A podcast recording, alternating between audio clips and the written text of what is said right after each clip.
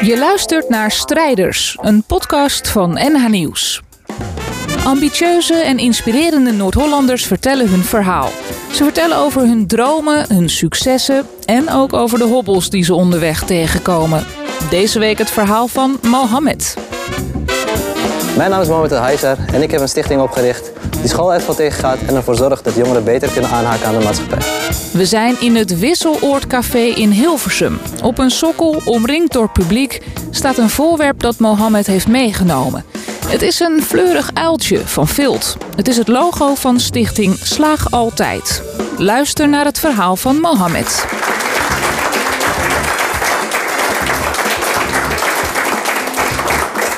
Nou, uh, goedenavond allemaal. Mijn naam is uh, Mohamed El. En uh, ik ben docent wiskunde aan het Kant Lyceum in Amsterdam Nieuw-West. En een van de oprichters van Stichting Slag Altijd. daar ga ik wat meer over vertellen. Nee, je ziet hier een uil. Een uil dat is, dat is voor ons een dier die wijsheid uitstraalt, die kennis uitstraalt. Die hebben wij ook gekozen als ons symbool, als onze logo voor de stichting die we, die we hebben opgericht. En dat is tot stand gekomen met een heel, een heel lang verhaal, om het maar zo te zeggen. We waren ooit begonnen met z'n drieën. Uh, Anwar, mijn broertje, Mohamed Kodat, mijn neef. Met, uh, met, een, uh, met als vrijwilligers werken bij een jongerenstichting in Amsterdam Nieuw-West. We zagen dat er heel veel jongeren naar ons opkeken. De jongens keken, de meiden wilden veel meer weten over hoe we deden op school. We werden gezien als succesvolle jongeren.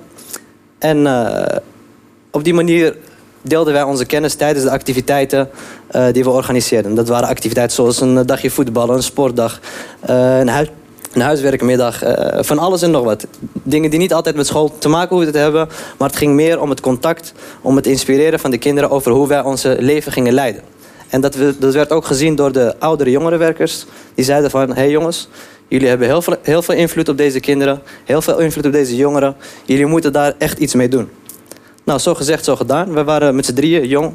Uh, uit mijn hoofd uh, toen nog 21, 22 jaar, 19 jaar, en uh, toen dachten we van, hé, hey, we gaan even goed onderzoeken waar, wij, waar onze expertise, waar onze voorbeelden, waar onze rolmodellen, uh, uitstraling goed kunnen gebruiken. En uh, ja, toen we, toen, we, toen we goed gingen kijken in de bestanden van de gemeentes... er zijn genoeg rapporten over wat er wel goed gaat en niet goed gaat in Amsterdam Nieuw-West. Toen zagen we één onderdeel en dat was schooluitval. We zagen dat de schooluitval enorm groot was ten opzichte van de rest van Amsterdam in Amsterdam Nieuw-West. Dus wij dachten, hé, hey, we gaan daar wat mee doen. We gaan een huiswerkklas beginnen, want iedereen in Amsterdam Nieuw-West heeft recht op onderwijs en geluk gemaakt het grootste gedeelte daar ook gebruik van. Dus we gaan een huiswerkklas beginnen waar jongeren kunnen langskomen om uh, hulp te krijgen bij hun uh, schoolwerk. En toen begonnen we met 10 à 15 leerlingen. Nou, uh, aan het einde van dit schooljaar waren dit er ongeveer 200.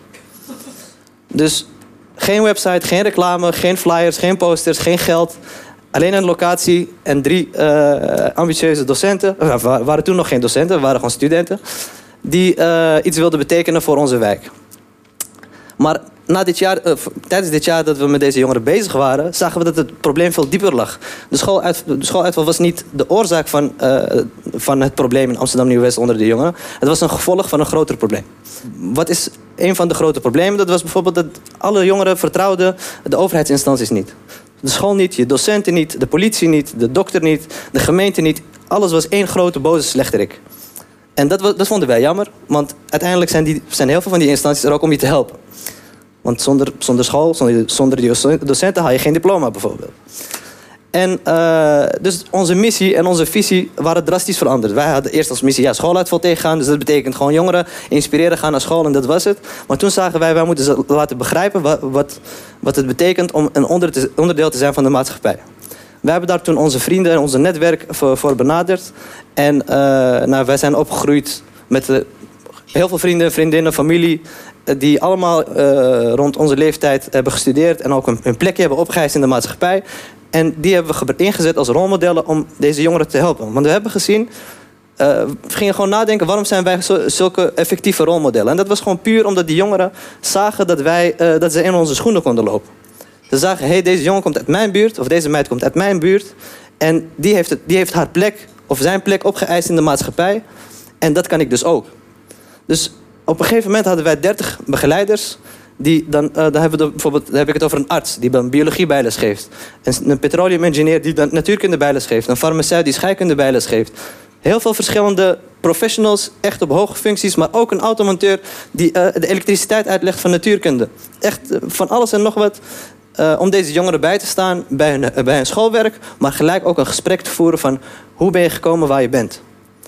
En dit eh, hielp enorm bij deze kinderen. We zagen gewoon dat ze nieuwsgierig waren. Ze wilden, ze wilden weten waar deze, kinderen, waar deze uh, jongeren hebben gestudeerd, wat ze hebben gedaan, welke pad ze lopen. Want ik zie die jongeren en zeggen van, deze jongen woont bij mij drie deuren verderop. Zij woont bij mij hier achter om, de hoek. Hij doet altijd boodschappen waar ik altijd boodschappen doe. Het zijn, het zijn allemaal uh, personen waar ze zich in kunnen vinden. En zo zijn we verder gegaan. Dus in het tweede jaar waren we dus van 200 leerlingen naar 600 leerlingen gegaan. En het jaar daarop waren het er 800. En nu zitten we elk jaar met duizend verschillende leerlingen. Dan heb ik het niet elk jaar over dezelfde leerlingen. Elk jaar andere leerlingen. Er waren ook tegenslagen. We hadden bijvoorbeeld een ruimte. En met 200 leerlingen kan je niet in één ruimte zitten. We hebben echt uh, jaren meegemaakt dat er uh, in drukke periodes leerlingen op de grond moesten zitten. We hadden geen middelen. We werden niet uh, gesubsidieerd door de overheid. We hadden alles moest op eigen houtje, alles moest door onze vrijwilligers gedaan worden. We hadden gelukkig wel een locatie gekregen, maar dat was ook het enige. We hebben nu wel drie ruimtes. We zijn actief in Geuzesveld, in Osdorp en Nieuwsloten. Uh, dat zijn drie wijken in Amsterdam Nieuw-West. En uh, we, houden, we houden het vol. Deze, deze jongeren hebben echt een positieve aanpak nodig. Uh, wat, wat, ja, wat je veel ziet in het nieuws is uh, over Amsterdam University, dus dat het slecht gaat en dat, het, dat de jongeren slecht zijn en dat alles slecht is en weet, weet ik dat dan ook. Weet ik het allemaal. En wat mensen vergeten is dat dezezelfde jongeren naar dezelfde tv-zenders kijken als, als de rest van Nederland. Die zien ook hetzelfde nieuws, die wordt verteld over hun. Dus dat creëert een negatief zelfbeeld en zo blijf je een vicieuze cirkel in stand houden. Dus uh, naar aanleiding hiervan hebben wij een, ook een project gedaan. Dat heet Project Scoop. Hebben we gelukkig een samenwerking gedaan met Spodi en met uh, project ZOZ. En toen hadden wij dus een, een, een mediaproject opgezet... waarbij leerlingen met het parool gingen meelopen. Toen zijn ze echt bij de redactie mee naar binnen gegaan. Ze hebben een rondleiding gekregen van een journalist. En echt alle stappen doorlopen die een journalist moet doen voordat ze een artikel maken. En uiteindelijk hebben ze zelf een, artikel, een tijdschrift mogen schrijven met hun eigen artikelen, hun eigen onderzoek.